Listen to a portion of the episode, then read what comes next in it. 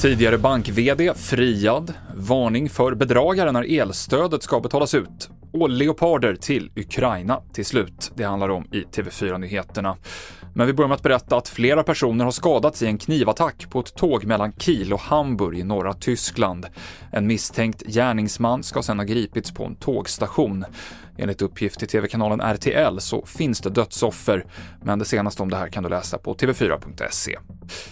Vittnen har hört höga smällar i de centrala delarna av Södertälje och enligt polisen så har någon avlossat skott mot en lägenhetsdörr.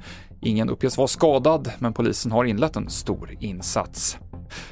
Swedbanks tidigare VD Birgitte Bonnesen friades idag på alla punkter av Stockholms tingsrätt. Åklagare hade menat, bland annat, att Bonnesen i intervjuer spridit vilseledande uppgifter om Swedbanks arbete med att förebygga penningtvätt i Estland, men tingsrätten höll inte med det som Birgitte Bonnesen har sagt utåt har inte kvalificerats som ett vilseledande. Det har inte varit den typen av information som kunde ha föranlett då att, att man skulle kunna betrakta detta som någon sorts bedrägligt eh, agerande från hennes sida. Något där man lurar allmänheten eller, mm. eller personer som lyssnar på henne.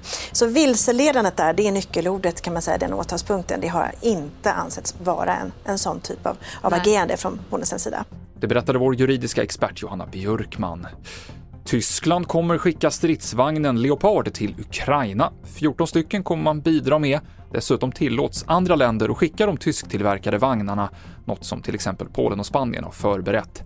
Tysklands förbundskansler Olaf Scholz har fått hård kritik för att det här beslutet dragit ut på tiden.